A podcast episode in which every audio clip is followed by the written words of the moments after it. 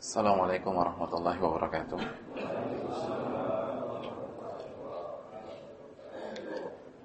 Alhamdulillahi wa kafa wa salatu wa salamu ala ashrafil anbiya al-mustafa amma ba'd. Hadirin sekalian kaum muslimin dan kaum muslimat rahimanillah wa iyyakum yang dirahmati oleh Allah Subhanahu wa taala marilah kita membuka tausiah pada siang hari ini. Dengan membasahi lisan kita dalam rangka bersyukur kepada Allah. Dan memuji Allah Subhanahu wa taala atas segala nikmat dan karunia yang senantiasa Allah limpahkan kepada kita. Terutama nikmat iman dan nikmat Islam. Nikmat yang merupakan kunci kebahagiaan seorang hamba ketika ia meniti kehidupannya di dunia maupun di hari akhirat kelak. Dan kita bersyukur kepada Allah Subhanahu wa taala secara khusus karena sampai detik ini Allah masih memberikan kesempatan kepada kita sehingga kita dapat mengisi waktu kita di bulan suci Ramadan dengan rangkaian ibadah dan ketaatan kepada Allah. Sebagaimana yang kita lakukan siang hari ini, kita berkumpul bersama, kita gerakkan hati kita, dan kita langkahkan kaki kita untuk mengerjakan salat wajib berjamaah, lalu diikuti dengan sebuah ibadah yang sangat agung. Ibadah yang memiliki berbagai macam keutamaan, yaitu ibadah yang bernama menuntut ilmu agama. Dan di antara keutamaan menuntut ilmu agama adalah sebagaimana yang dituturkan langsung oleh Nabi Shallallahu Alaihi Wasallam dalam sebuah hadis yang sahih, yang valid. Beliau Shallallahu Alaihi Wasallam bersabda, "Man goda ilal masjid." Barang siapa yang berjalan menuju sebuah masjid atau ke sebuah majelis yang mengajarkan ilmu agama, la yuridu illa an yata'allama khairan aw yu'allima kana lahu ka ajri hajin hajjatuh untuk mempelajari kebaikan-kebaikan yang bersumber dari Al-Qur'anul Karim dan hadis-hadis Nabi sallallahu alaihi wasallam yang sahihah yang valid atau mengajarkannya. Jadi kemungkinannya hanya salah satu dari dua niat kalau tidak mempelajari kebaikan yang bersumber dari Al-Quran dan Hadis atau mengajarkan kebaikan tersebut. Apa ganjarannya jemaah sekalian? Nabi menuturkan kana lahu ka ajri hajin tamman hajjatu. Maka ia akan mendapatkan pahala orang yang mengerjakan manasik haji dengan haji yang sempurna. Subhanallah. Dengan modal yang cukup murah ibadah yang ekonomis ini dapat mengantarkan kita untuk selalu bersaing, selalu berkompetisi dengan sebagian saudara-saudara kita yang merogoh koceknya dalam-dalam ketika mengerjakan manasik haji. Oleh karena itu marilah bersyukur kepada Allah Subhanahu wa taala ketika Allah memberikan kesempatan kepada kita untuk mengerjakan amal ibadah yang pahalanya serupa dengan orang yang mengerjakan manasik haji dengan haji yang sempurna pada bulan terbaik ini. Salawat dan salam semoga selalu tercurahkan kepada kedua kita, suri tauladan kita, Rasulullah sallallahu alaihi wasallam beserta para keluarga beliau, para sahabat-sahabat beliau dan orang-orang yang istiqamah berjalan di bawah naungan sunnah beliau sampai hari kiamat kelak. Hadirin sekalian yang saya hormati dan dimuliakan oleh Allah Subhanahu wa taala, materi yang akan kita pelajari bersama dalam kesempatan yang cukup singkat ini baik yang berbicara maupun yang mendengarkannya adalah materi yang sangat penting. Materi yang merupakan salah satu tugas pokok Nabi Sallallahu Alaihi Wasallam, yaitu materi yang berkaitan dengan hati. Aktor intelektual dari baiknya seseorang atau buruknya seseorang. Sebagaimana yang disabdakan oleh Nabi Sallallahu Alaihi Wasallam, beliau mengatakan dalam hadis Bukhari, ala wa inna fil jasadi mudghah idza salahat. Salahal jasadu kullu. Wa idza fasadat fasadal jasadu kullu. Ala wahyal qalb. Ketahuilah para sahabatku, ketahuilah para umatku, sesungguhnya di dalam jiwa, di dalam diri kita ada segumpal daging. Apabila satu gumpal daging ini baik, maka baiklah seluruh anggota badan. Mata kita menjadi baik, lisan kita pun juga menjadi baik, tangan kita baik, kaki kita baik, dan seluruh anggota badan kita baik.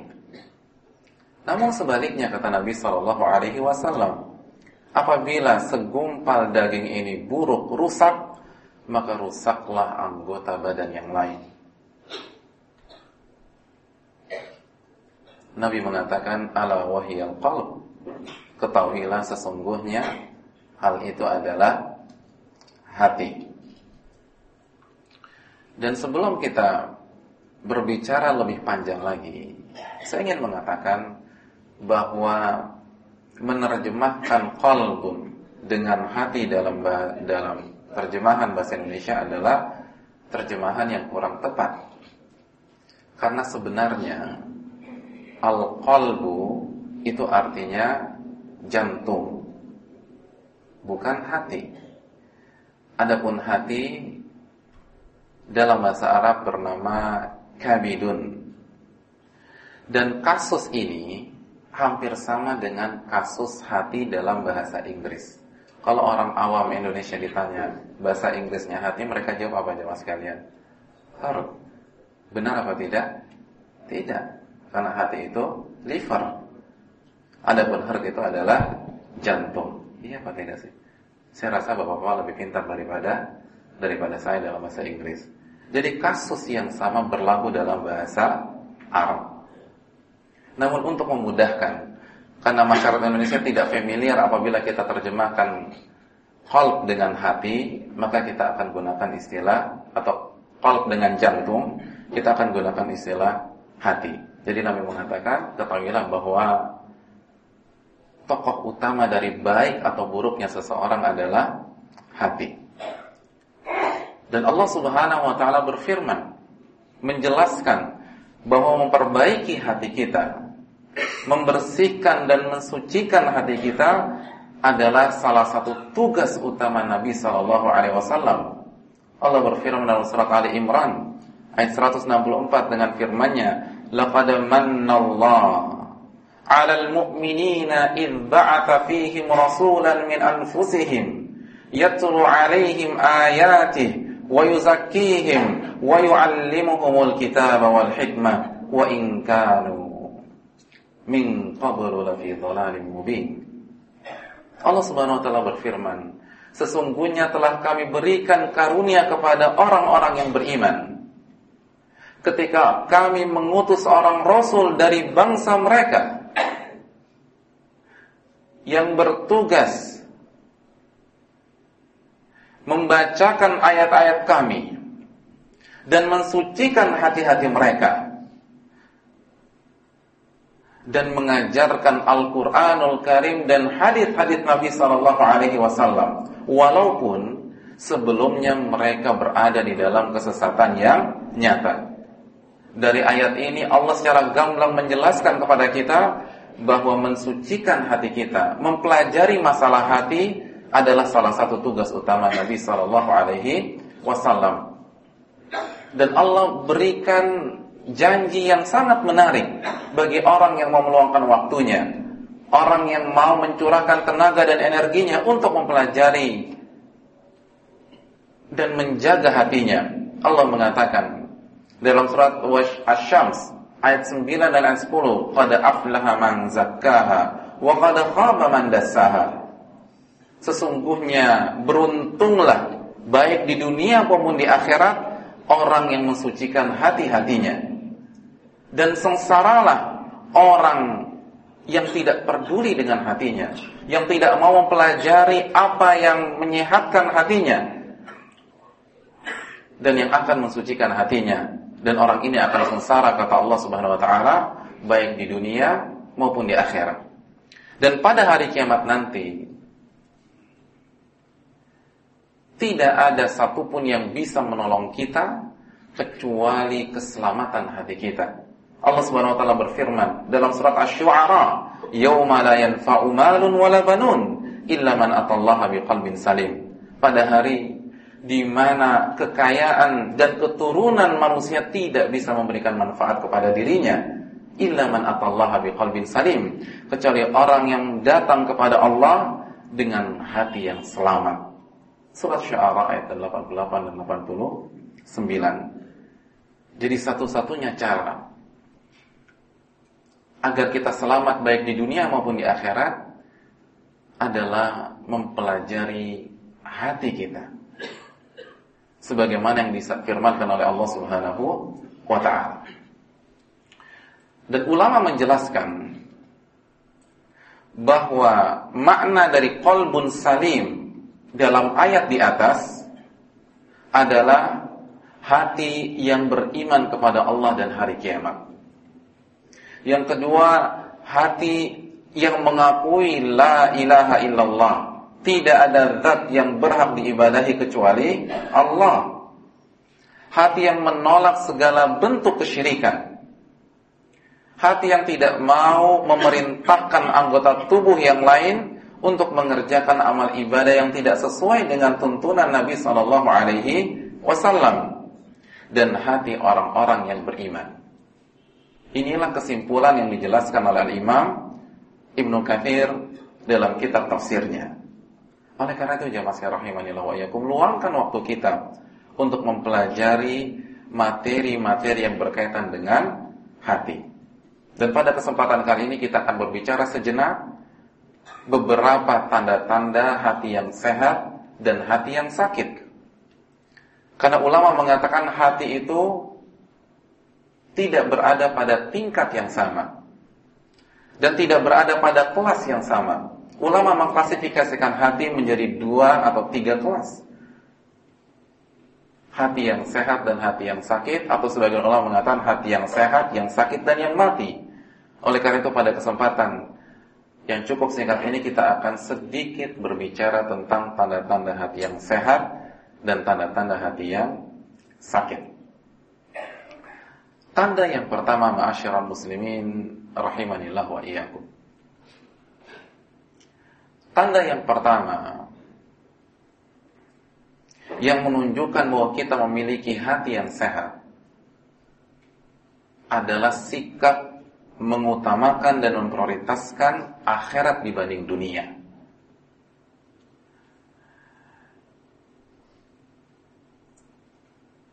Memprioritaskan akhirat dibanding dunia. Karena logika sederhana mengatakan kenikmatan yang kekal lebih diprioritaskan dibanding kenikmatan yang fana. Oleh karena itu, hati yang sehat akan memprioritaskan kenikmatan yang kekal. Karena kenikmatan akhirat tidak bisa dibayangkan dengan kenikmatan dunia. Nabi Shallallahu Alaihi Wasallam bersabda dalam hadis Sahih Bukhari, Allahumma la aisha illa aishul akhirah. Ya Allah, tidak ada kehidupan kecuali kehidupan akhirat. Artinya, kehidupan dunia kita yang 60 tahun, 80 tahun, apabila dibandingkan dengan kehidupan akhirat kita yang pasti akan kita hadapi, itu tidak ada artinya sama sekali. Jadi Nabi SAW menafikan, meniadakan kehidupan dunia. Coba bayangkan satu hari saja 50 ribu tahun jamaah sekalian. Tidak bisa dibandingkan. Dalam hadis yang lain Nabi SAW bersabda, Irtahalatid dunya mudbiratan, wartahalatil akhirati muqbilah. Dunia, kehidupan dunia akan segera berlalu. Dan kita tidak tahu secara pasti jamaah sekalian. Bisa jadi 10 tahun yang akan datang. Bisa jadi 5 tahun yang akan datang. Bisa jadi satu tahun yang akan datang. Bisa jadi satu bulan yang akan datang atau satu minggu yang akan datang atau bahkan tiga jam dari detik ini. Siapa yang tahu ajalnya jemaah sekalian? Oleh karena itu Nabi SAW memastikan bahwa kehidupan dunia pasti akan berakhir. Suka atau tidak suka, ridho apa tidak ridho? Allah mengatakan dalam surat Al-Imran ayat 185, "Kullu nafsin dha'iqatul maut." Setiap jiwa pasti akan menghadapi kematian. Dan kehidupan akhirat kata Nabi Shallallahu Alaihi Wasallam akan datang. Dan itu dipastikan oleh beliau. Lalu beliau mengatakan, wa inna likulli wahidatin minhuma banun dan kedua kehidupan tersebut memiliki anak, memiliki pengikut, memiliki orang-orang yang fanatik di bidangnya. Lalu Nabi mengatakan fakunu min abna'il akhirah wala takunu min abna'id dunya. Maka jadilah anak-anak kehidupan akhirat dan jangan jadi anak-anak kehidupan dunia. Jangan jadi pengikut dunia jemaah sekalian. Lalu Nabi ingin mengajak, lalu, Nabi SAW mengajak berpikir kita. Beliau mengatakan, fa innal yawma amalun wala hisab. Sesungguhnya kehidupan dunia tidak ada hisab. Yang ada hanya beramal. Yang ada hanya ujian. Namun besok kata Nabi SAW, wa gadan hisabun wala amal besok yang ada hanyalah perhitungan. Allah akan mengkalkulasi. Allah akan menghitung setiap gerak-gerik kita yang kita lakukan di dunia dan tidak ada kesempatan untuk beramal soleh. Dan Allah sengaja berbuat seperti itu. Karena itulah hakikat dari ujian. Karena dunia ini dibentuk, diciptakan untuk menguji kita. Dia beluakum ayyukum ahsanu amala dalam surat Mulk ayat 2. Tujuan diciptakan kehidupan dan kematian untuk menguji kita. Siapa di antara kita yang paling baik amalnya? Kalau hadiahnya langsung kita berikan, barang siapa yang sholat duhur langsung dapat rumah di Bintaro, itu bukan ujian. Tidak ada filter antara yang benar-benar tulus beribadah dengan orang yang hanya mencari kehidupan dunia saja. Oleh karena itu Allah sengaja tunda. Nah penundaan Allah ini jangan sampai melenakan kita. Ingat bahwa kehidupan dunia pasti berakhir. Siapa yang sangka ada seseorang segar bugar mati di atas lapangan futsal? Meninggal di atas lapangan tenis? Meninggal di dalam ruangan diskotik? Dan lain sebagainya. Oleh karena itu camkan bahwa orang yang hatinya sehat, dia akan memprioritaskan kehidupan dunia Makanya Nabi SAW memberikan tips kepada kita. Kun fid dunya ka'annaka gharib au 'abiru sabil. Jadilah seperti orang asing di dunia ini atau orang yang seakan ber, atau orang yang akan beranjak pergi dari tempat tersebut. Jadi ketika kita hidup yakinlah bahwa kita akan berpisah dengan dunia ini. Sebagaimana orang asing, orang yang safar tidak akan membangun rumahnya secara kokoh di tempat perjalanannya tersebut. Kenapa? Karena ia tahu bahwa ia akan tidak akan tinggal selama-lamanya di rumah tersebut. Ia tidak hanya tidak hanya mencurahkan hartanya untuk tempat tinggalnya ketika safar, ketika bepergian. Dia akan alokasikan ke kampungnya. Kan begitu jemaah sekalian. Kalau jemaah sekalian memiliki saudara yang bekerja misalnya di di luar negeri, TKW misalnya. Ketika mereka dapat uang, apa yang mereka lakukan? Bangun rumah di kampung atau bangun rumah di Saudi Arabia? Ya di kampung jemaah sekalian. Karena mereka tahu mereka akan segera pulang dari Saudi Arabia misalnya atau dari Malaysia dia akan kirim ke kampung. Akhirnya di kampungnya ia bisa beli sawah, ia bisa beli rumah, ia bisa beli kambing, ia bisa beli sapi dan seterusnya. Nah, Nabi mengatakan, jadikan kampung kita akhirat jemaah sekalian. Karena kita akan pulang kampung cepat atau lambat. Direncanakan atau tidak kita rencanakan. Oleh karena itu orang yang hatinya sehat akan memprioritaskan kehidupan akhirat. Dan hal ini bukan berarti melupakan dunia secara 100%. Allah mengatakan wala tansa nasibaka dunya. Namun ingat dalam surat Al-Qasas ayat 77, jangan kalian lupakan kehidupan dunia. Jangan ekstrim jamaah sekalian. Jangan ortodoks sampai akhirnya kita tidak memperhatikan seluruh kehidupan dunia. Tapi ingat, fokus kita akhirat. Kan begitu jamaah sekalian. Jadi Allah mengatakan, jangan lupakan dunia. Nah, nasihat Allah ini berbanding terbalik dengan nasihat orang tua zaman sekarang. Kalau melihat anaknya lagi main keluar, apa nasihatnya? Jangan lupa sholat ya nak. Subhanallah. Kalau Allah mengatakan jangan lupa dunia. Karena orang muslim itu semangat dengan akhirat.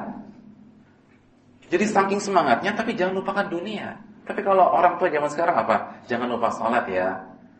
Jadi akhiratnya jangan dilupakan. Kalau Allah nasihatnya, dunianya jangan dilupakan. Kenapa? Karena orang tua melihat anaknya begitu menggemari kehidupan atau aktivitas yang sedang ia geluti di di hari itu. Oleh karena itu, orang tua ingin menjelaskan atau ingin mengabarkan kepadanya atau ingin mewanti-wanti anaknya, walaupun Anda atau walaupun engkau wahai anakku sedang asik, sedang enjoy dalam mengerjakan hal itu, jangan lupa akhirat, jangan lupa sholat. Begitu juga Allah Subhanahu Wa Taala. Tapi dibalik oleh Allah Subhanahu Wa Taala, karena orang mukmin orientasinya akhirat. Oleh karena itu nasihat Allah bukan jangan lupa sholat, tidak. Allah mengatakan jangan lupa dunia. Artinya Allah ingin mengingatkan ke, kepada hamba-hambanya yang semangat beribadah, semangat membaca Al-Quran, semangat berzikir kepada Allah Subhanahu Wa Taala. Ingat, jangan lupakan dunia. Anda harus makan, Anda harus mencari rezeki, Anda harus membuat tempat yang dapat dijadikan hunian dan naungan oleh Anda dan keluarga Anda. Oleh karena itu jangan lupakan dunia karena saking asyiknya beribadah kepada Allah Subhanahu wa taala. Itulah orang hati yang hatinya sehat jemaah rahimanillah. Jadi mari kita bandingkan bagaimana hati-hati kita. Dan sebaliknya, hati orang yang sakit adalah hati yang selalu terlenakan dengan kehidupan dunia. Oleh karena itu apa kata Allah SWT? Bal tu'thiruna al-hayata dunya wal akhiratu khairu wa abqa. Dalam surat Al-A'la ayat 16 dan 17 Allah mengatakan dan mereka orang-orang kafir, orang-orang yang hatinya sakit, orang-orang yang selalu memprioritaskan kehidupan dunia orang-orang yang selalu mengutamakan kehidupan dunia. Akhirnya Allah mengatakan kepada mereka, "Bal." Namun, ketahuilah bahwa kehidupan akhirat itu lebih baik dan kekal. Jadi ini yang harus kita pahami bersama-sama. Bagaimana kita fokuskan akhirat tapi tidak melupakan dunia. Ini kaidah yang Allah sebutkan dalam ayat tersebut. Itu tanda yang pertama jemaah sekalian rahimanillah wa iyyakum. Tanda yang kedua di antara tanda-tanda orang yang memiliki hati yang sehat, hati yang fit. Orang ini selalu siap menerima kebenaran. Selalu siap menerima kebenaran. Yang penting bisa dipertanggungjawabkan ada ayatnya, ada suratnya atau ada hadisnya. Lalu hadisnya valid, tidak hanya sembarangan hadis. Karena hadis itu secara makna, secara bahasa artinya berita aja mas sekalian. Jadi kalau kita mendengar hadis Nabi SAW itu adalah berita yang disandarkan kepada Nabi Shallallahu Alaihi Wasallam. Saya ingin bertanya kepada jemaah sekalian, yang namanya berita, apalagi sudah beredar di masyarakat, 100% valid atau tidak? Tidak. Oleh karena itu dalam dunia maya kita sering mendengar istilah hoax kan begitu ya. Artinya berita yang tidak benar, tidak valid. Begitu juga dalam dunia hadis. Tidak semua hadis yang beredar di tengah-tengah umat hadis yang sahih hadis yang valid harus dipilah-pilih dan itu adalah tanggung jawab dan pekerjaan ulama hadis. Jadi yang selama hadis itu sahih dan dipahami dengan pemahaman yang benar, yaitu pemahaman Rasulullah dan para sahabatnya, maka orang yang hatinya sehat akan mudah menerimanya. Di dalam kamus orang yang hatinya sehat, jika sudah berhadapan dengan Allah dan Rasulnya, tidak ada kata lain kecuali sami'na wa ata'na. Hal itulah yang dijelaskan oleh Allah Subhanahu wa taala dalam surat An-Nur ayat 51. Allah mengatakan innama kana qaulal mu'minin idza du'u ila Allah wa rasulih liyahkuma bainahum an yaqulu sami'na wa ata'na. Sesungguhnya ucapan orang-orang yang beriman apabila diajak kembali kepada Allah Subhanahu wa taala, kepada Rasulullah sallallahu alaihi wasallam agar Rasulullah memutuskan hal-hal yang ada di tengah-tengah mereka. Ucapan mereka adalah sami'na wa ata'na. Kami dengar dan kami taati. Jadi kalau sudah berhadapan dengan firman Allah, berhadapan dengan hadis Nabi sallallahu alaihi wasallam, tidak ada kalimat yang dapat diucapkan, dituturkan oleh lisan orang yang beriman dan hatinya sehat kecuali sami'na wa ta'na. Dan sebaliknya, tanda-tanda atau salah satu tanda hati yang sakit, ia mudah dalam menolak ayat Al-Quran. Ia mudah dalam menolak hadis Nabi SAW apabila keduanya telah dipastikan dipahami dengan pemahaman yang benar. Wah ini hadis sudah tidak relevan lagi. Jangan terlalu tekstual. Jangan terlalu kaku. Dan lain sebagainya. Oleh karena itu jamaah sekalian Ini Allah yang mengatakan. Saya hanya menyampaikan saja Allah mengatakan Tidak ada ucapan yang dikeluarkan oleh orang-orang beriman. Dan kita katakan tadi Al-Imam Nukathir mengatakan Kolbun salim, hati yang sehat, yang selamat adalah hati orang-orang yang beriman. Apabila diajak kepada Allah dan Rasulnya, sami'na wa ta'na. Walaupun ternyata berbeda dengan kebiasaan yang selama ini kita kerjakan. Gak ada masalah. Orang yang beriman selalu mendahulukan Allah dan Rasulnya. Dan orang salah itu wajar. Yang tidak wajar hidup 80 tahun gak pernah salah. Itu yang tidak wajar. Jadi kalau bapak-bapak punya ustadz, ngajinya sudah 20 tahun, nggak pernah salah, itu yang nggak wajar. Dipertanyakan kemanusiawiannya, ini masih manusia apa enggak? Karena namanya manusia, walaupun ustadz, walaupun ulama, pasti salah. Dan Nabi yang mengatakan, dalam hadis surat Imam At-Tirmidzi dan dihasankan kalau sebagian para ulama, Nabi mengatakan kullu bani Adam khata. Setiap anak Adam banyak sekali melakukan kesalahan. Nabi tidak mengatakan satu kesalahan, Nabi tidak mengatakan dua kesalahan, tapi Nabi mengatakan banyak sekali melakukan kesalahan. Wa khairul khata'ina tawabun dan sebaik-baik orang yang melakukan kesalahan adalah orang yang paling banyak bertaubat. Coba kita lihat ya Mas kan hadis ini. Hadis ini menyampaikan atau dalam hadis ini ada dua kalimat. Yang pertama, setiap manusia banyak melakukan kesalahan kalimat ini tidak mengandung pujian dan tidak mengandung celaan. Kan begitu ya? Tidak ada celaan dalam kalimat ini. Nabi hanya mengatakan setiap manusia banyak melakukan kesalahan. Artinya ini sudah fitrah manusia. Manusia itu tempatnya kesalahan. Baru setelah Nabi bersabda dengan kalimat kedua, Nabi memuji, wa khairul khata'ina tawwabun. Dan sebaik-baik orang yang bersalah, yang banyak salah, adalah orang-orang yang banyak bertobat. Jadi untuk mengetahui orang baik dan orang buruk bukan orang yang tidak punya kesalahan. Tidak mungkin jemaah sekalian.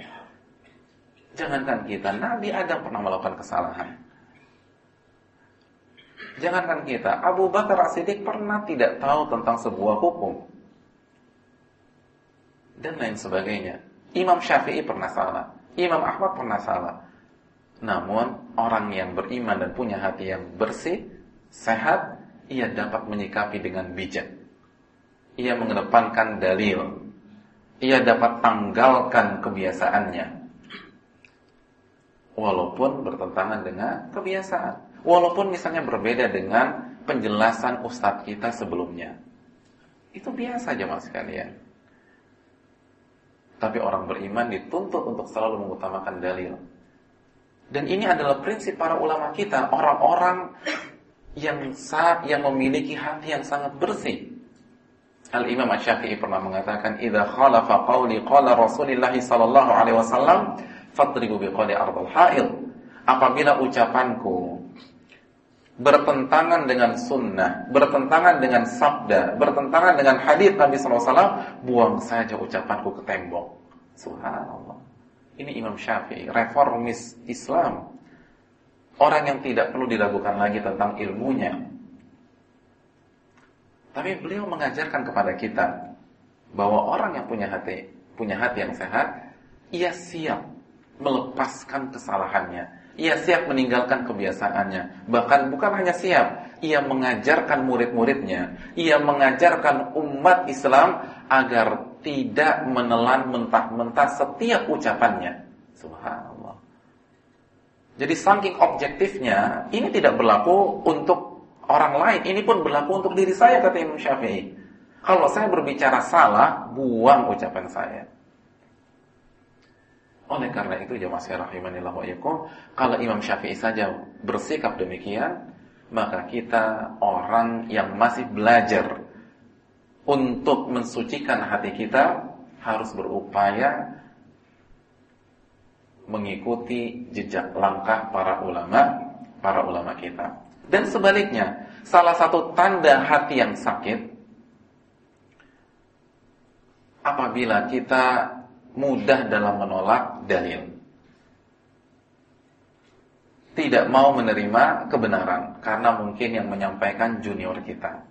Karena mungkin yang menyampaikan bawahan kita Karena mungkin yang menyampaikan pembantu kita Dan lain sebagainya Nah ini adalah salah satu tanda hati yang, yang sakit Karena yang dijadikan parameter atau tolak ukur Bukan pembawa kebenarannya Tetapi kebenaran itu sendiri Kontennya zaman sekalian Materinya itu apa?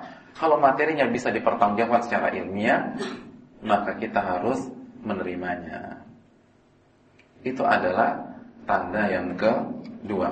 Tanda yang ketiga.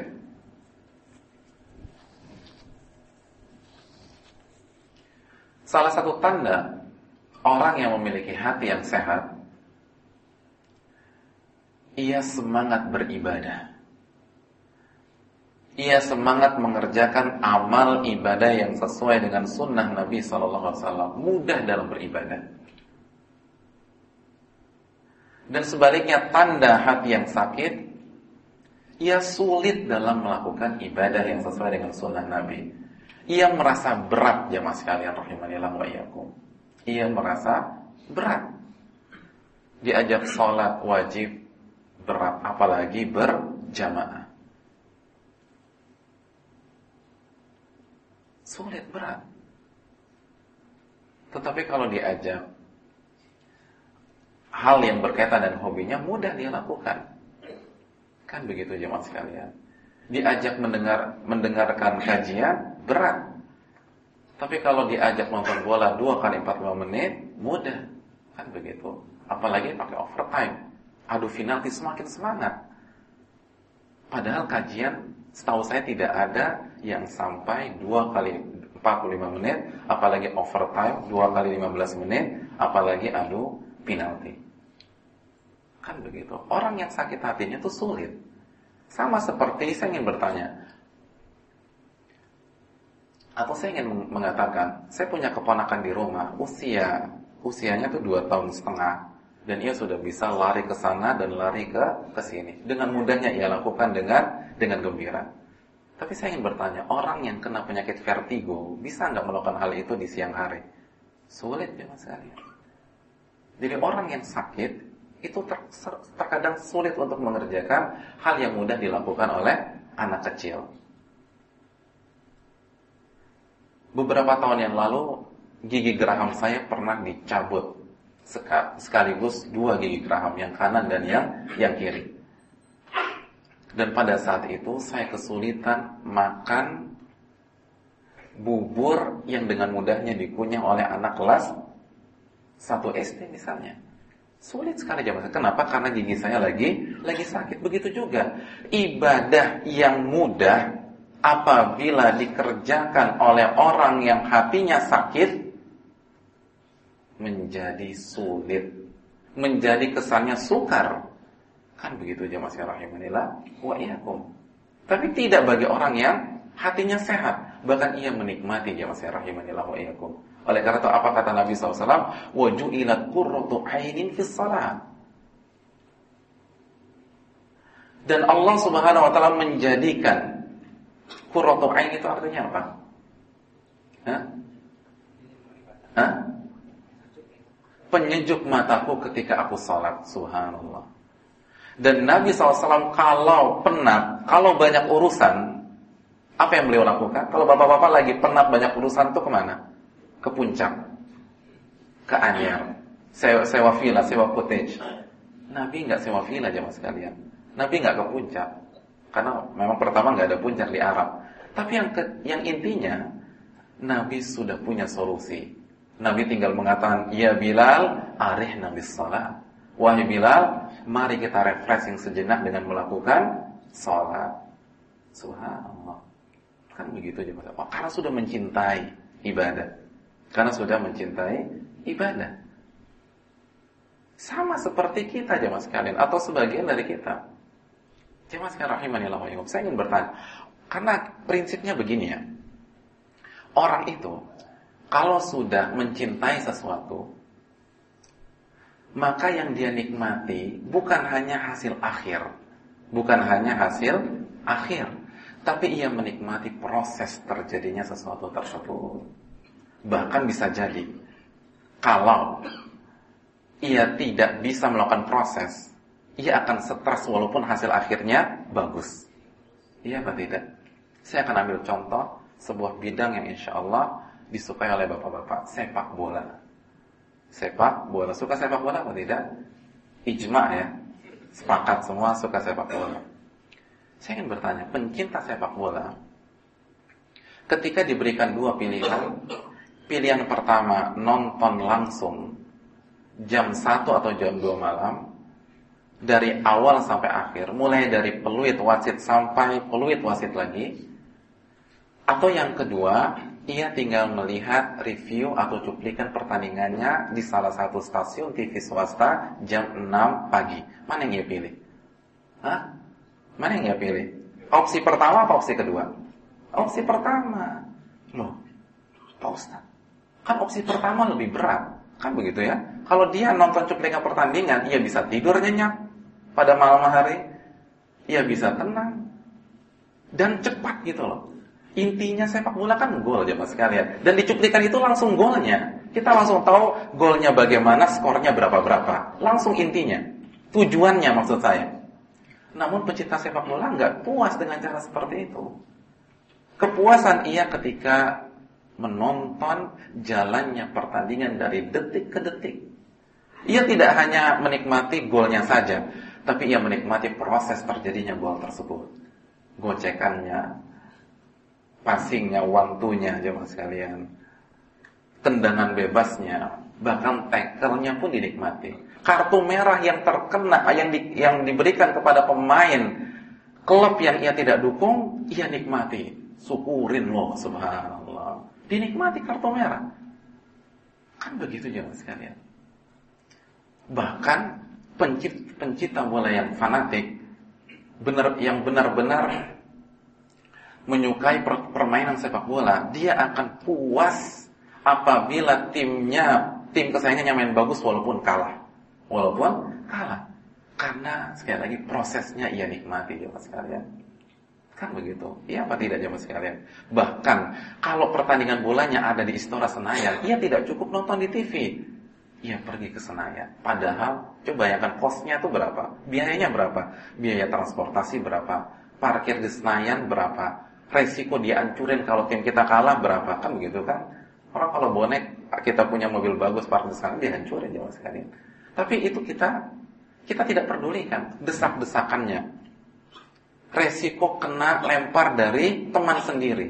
Saya pernah nonton bola waktu SD, SEA Games final Indonesia lawan Thailand, itu balok jatuh di samping saya ya mas kalian. Yang lempar penonton dari tribun.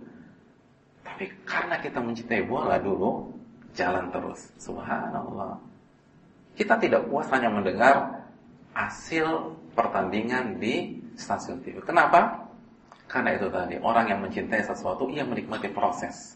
Ia menikmati proses. Oleh karena itu, seorang pemain bola kalau ia selalu dicadangkan terus, dicadangkan. Kalau dicadangkan dapat gaji apa tidak? Dapat. Dan timnya juara, musim depan dia minta apa? Pindah. Kan begitu. Kenapa? Karena dia tidak bermain. Hidupnya, jiwanya tuh main bola jangan sekalian. Jadi walaupun timnya juara, gaji dapat, minta pindah dia. Nah begitu juga konsep dalam Islam. Ini ada dalam Islam. Oleh karena itu Nabi sendiri yang mengatakan, Ya Bilal, arif Nabi salah. Wahai Bilal, mari kita refreshing sejenak dengan melakukan sholat. Nabi mengatakan, mari simak apa sabda ini. Nabi mengatakan, Walladhi nafsi biyadi. Lawaditu an uqatil fi sabilillah thumma uqtal, thumma uhya, thumma uqtal, thumma uhya, thumma uqtal. Demi Allah, aku menginginkan berjihad di jalan Allah. Perang jemaah sekalian. Lalu aku terbunuh Lalu aku dibangkitkan lagi, dihidupkan lagi. Lalu aku terbunuh untuk kedua kalinya. Lalu aku dihidupkan lagi, lalu aku terbunuh untuk ketiga kalinya. Lalu aku dihidupkan lagi, lalu aku terbunuh untuk keempat kalinya. Subhanallah, itu yang diinginkan Nabi SAW. Saya ingin bertanya, orang yang mati syahid, ganjarannya apa jemaah sekalian? Hah? Surga, surga. Antum kalau masuk surga mau keluar lagi nggak ke dunia? Nggak mau lah. Tapi Nabi ingin balik lagi ke dunia. Kenapa? Ingin menikmati proses beribadah jihad kepada Allah Subhanahu wa taala. Oleh karena itu jemaah sekalian, inilah salah satu tanda hati yang hidup, hati yang sehat, ia menikmati beribadah. Ia menikmati beribadah. Salat tarawih 2 jam dinikmati jemaah sekalian. Atau menikmati enggak Bapak-bapak? Ngancam ya besok gua enggak salat di sini lagi nih. Kan begitu. Imamnya lama banget. Nah, ini perlu melakukan tazkiyatun nufus pembersihan hati. Kan begitu aja mas Karena orang beriman menikmati ketika lantunan ayat Allah dibacakan. Ketika lidah, ketika lisannya basah dengan berzikir kepada Allah dan lain sebagainya. Jadi inilah tiga tanda hati yang sehat sekaligus hati yang sakit yang dengannya semoga kita bisa mengambil pelajaran dan bisa kita amalkan dalam kehidupan kita sehari-hari khususnya yang berbicara sebelum yang mendengarkannya dan uh, saya ingatkan apabila ada kesalahan dari cara penyampaian atau materi yang saya sampaikan jangan sungkan-sungkan untuk membuang apa yang saya sampaikan karena tujuan kita belajar dengan dalil bukan menggiring ke individu tertentu. Dan ini adalah prinsip para ulama kita sebagaimana penjelasan Imam Syafi'i yang telah kami sebutkan beberapa menit yang lalu saat beliau mengatakan jika ucapanku bertentangan dengan sabda Nabi Shallallahu Alaihi Wasallam maka buang saja ucapanku ke tembok. Allah Taala alam dan semoga hati-hati kita dijaga oleh Allah Subhanahu Wa Taala dan dibersihkan oleh Allah Subhanahu Wa Taala. Masih ada beberapa menit lagi kita gunakan untuk forum diskusi tanya jawab.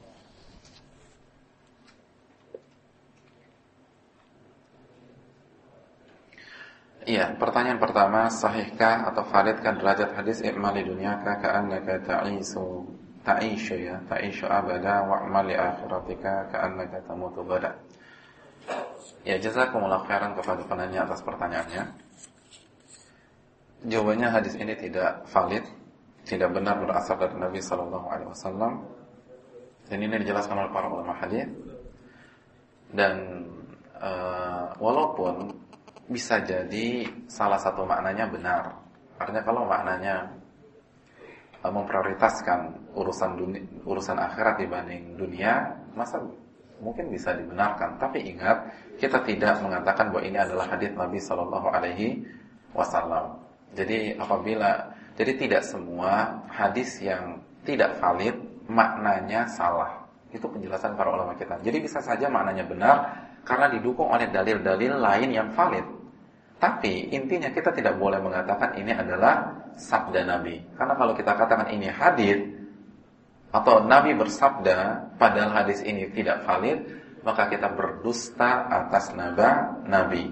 Kita mengatakan Nabi bersabda ini padahal Nabi tidak pernah bersabda. Ini kan dusta. Dan Nabi mengatakan dalam hadis mutawatir, "Man kadzaba alayya man kadzaba alayya muta'ammidan falyatabawwa maq'adahu minan nar." Barang siapa yang berdusta atas namaku secara sengaja, maka silahkan pesan tempat di neraka. Jadi kita disuruh booking tempat di neraka aja Mas rahimahullah Allah. Uh, Ustadz siapakah yang disebut dengan jamaah dalam kata-kata ahlu sunnah wal jamaah? Iya, jazakumullah kepada penanya atas pertanyaannya. Uh, ahlu sunnah wal jamaah adalah istilah yang disepakati oleh para ulama Islam.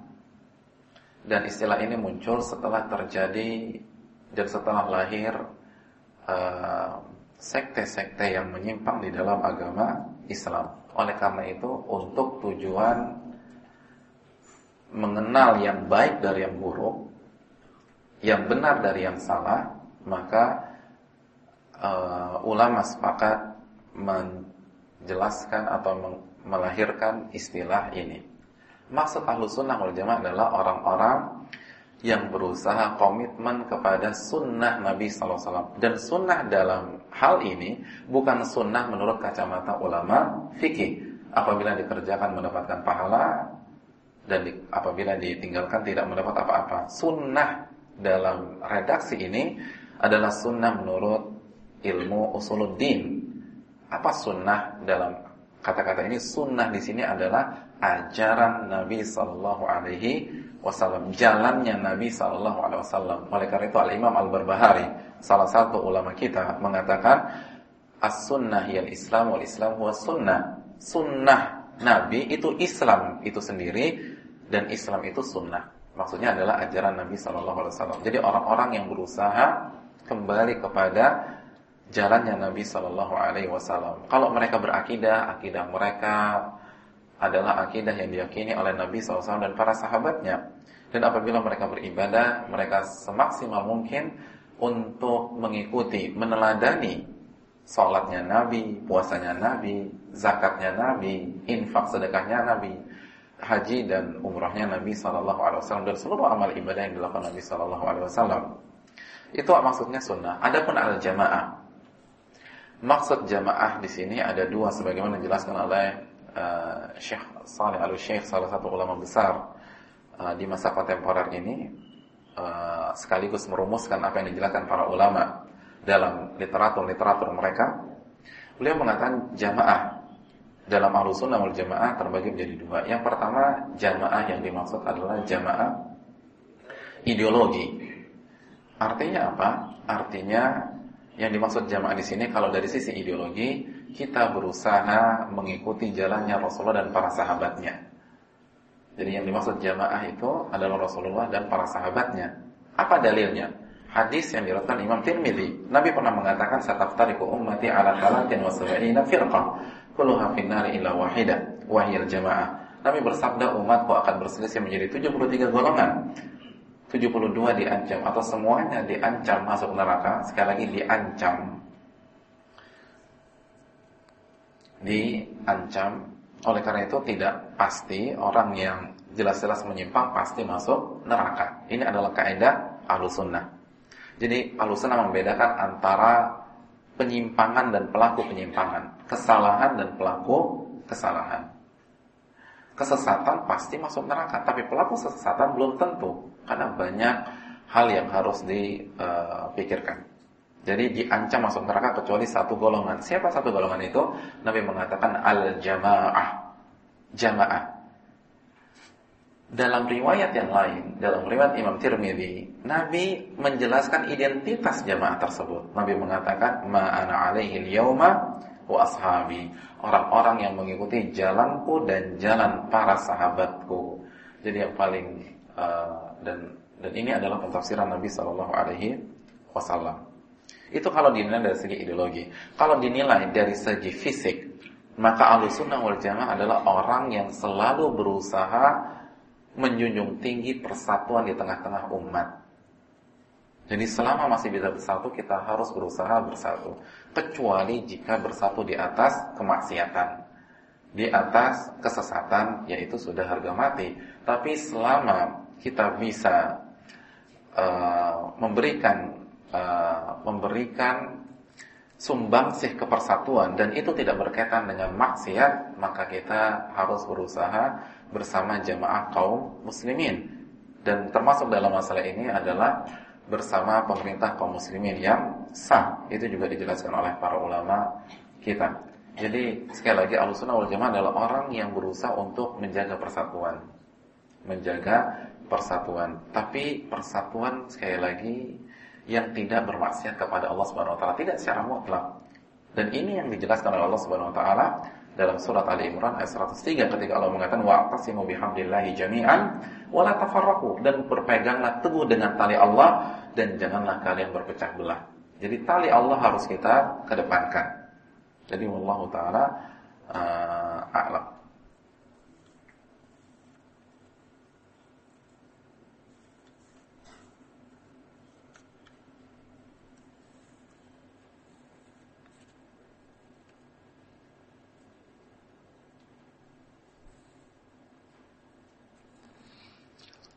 Uh, pertanyaan apakah kita harus taat kepada fatwa yang dimanipulasi dan kita tahu persis bahwa fatwa tersebut bertolak belakang dengan nas-nas yang sahih atau nas-nas yang valid.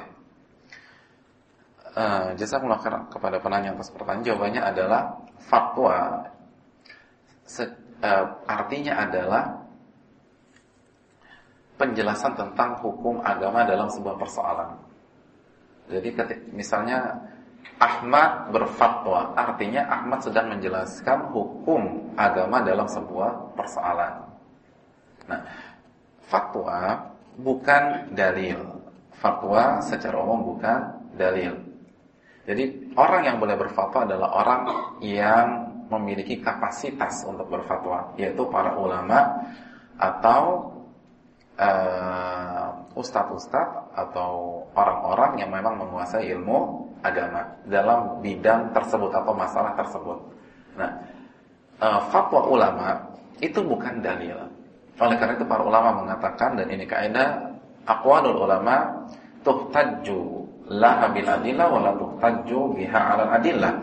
Fatwa dari para ulama kita harus didukung dengan dalil, bukan dijadikan alat untuk melawan dalil. Jadi ini yang perlu kita pahami.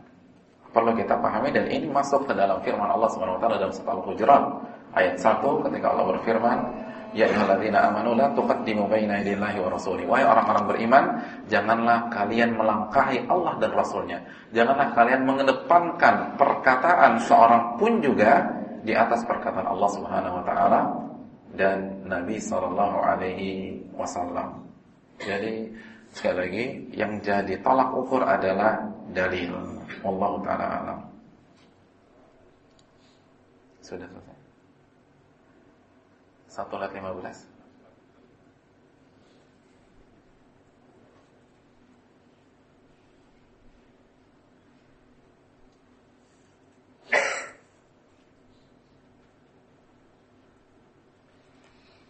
Ya, banyak manusia menentang nas-nas yang sahih dengan berdalil bahwa ad-dinu akal. Apakah derajat dalil? Apakah derajat dari perkara tersebut? Ya, jazakallahu khairan atas kepada penanya seperti Ad-dinu akal artinya agama itu adalah akal. Dan ulama telah menjelaskan bahwa seluruh dalil yang berbicara tentang akal tidak ada yang benar. Tidak ada yang benar atau uh, valid. Dan uh, sebaiknya kita merenungkan kemampuan akal kita jamaah sekalian rahimanillah wa Jangan kita dengan mudah menolak nas-nas dari Al-Qur'an dan hadis. Kenapa? Karena sebagaimana mata kita punya batas, akal kita pun juga punya batasnya.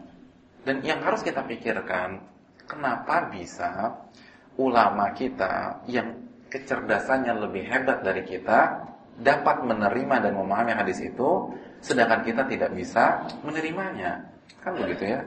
Antum misalnya bergerak di bidang ekonomi. Ada dua orang yang berbicara dalam sebuah teori ekonomi yang sama. Yang satu profesor ekonomi, PhD, yang satu tamatan SMP. yang uh, profesor ini mengatakan teori ini bisa diterima, yang lulusan SMP ini mengatakan teori ini tidak bisa diterima. Secara naluri dan fitrah manusia, atau lebih memilih pendapatnya siapa? Ya profesor kan begitu ya. Begitu juga dalam masalah ini. Kok bisa ya Imam Syafi'i bisa menerima, akalnya Imam Ahmad bisa menerima, akalnya Abu Bakar bisa menerima, akalnya Umar bisa menerima, akalnya Imam Bukhari bisa menerima, akal orang zaman sekarang tidak bisa menerima. Kan begitu ya. Jadi ini unik. Akal orang-orang yang sangat cerdas, ulama kita tuh sangat cerdas ya mas kalian. Al-Imam Al-Bukhari. Al-Imam Al-Bukhari kalau belajar ilmu di sebuah kajian seperti ini, beliau tidak pernah mencatat. Beliau tidak pernah mencatat. Nanti beliau catat di rumah dan subhanallah tidak ada satu huruf pun yang tertinggal. Catatannya di mana? Di rumah. Dan yang lebih menakjubkannya lagi, jarak antara rumahnya dan tempat kajiannya selama satu bulan penuh. Subhanallah satu bulan itu data lengket di di otaknya jemaah sekalian. Nah kalau orang seperti itu bisa menerima seluruh ayat, seluruh hadis yang sahih, kok bisa?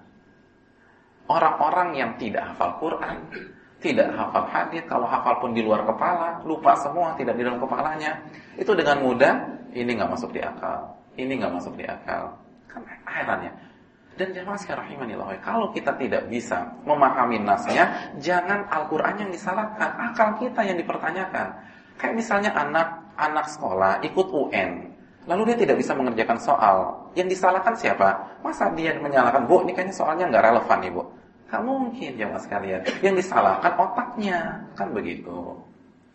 Ini yang harus kita perhatikan. Jangan disalahkan soalnya. Yang disalahkan dirinya kenapa nggak rajin belajar, kenapa tidak uh, semangat dalam mengulang pelajaran dan seterusnya. Dan jemaah sekalian, kalau akal yang dijadikan parameter, pertanyaan sederhananya akalnya siapa?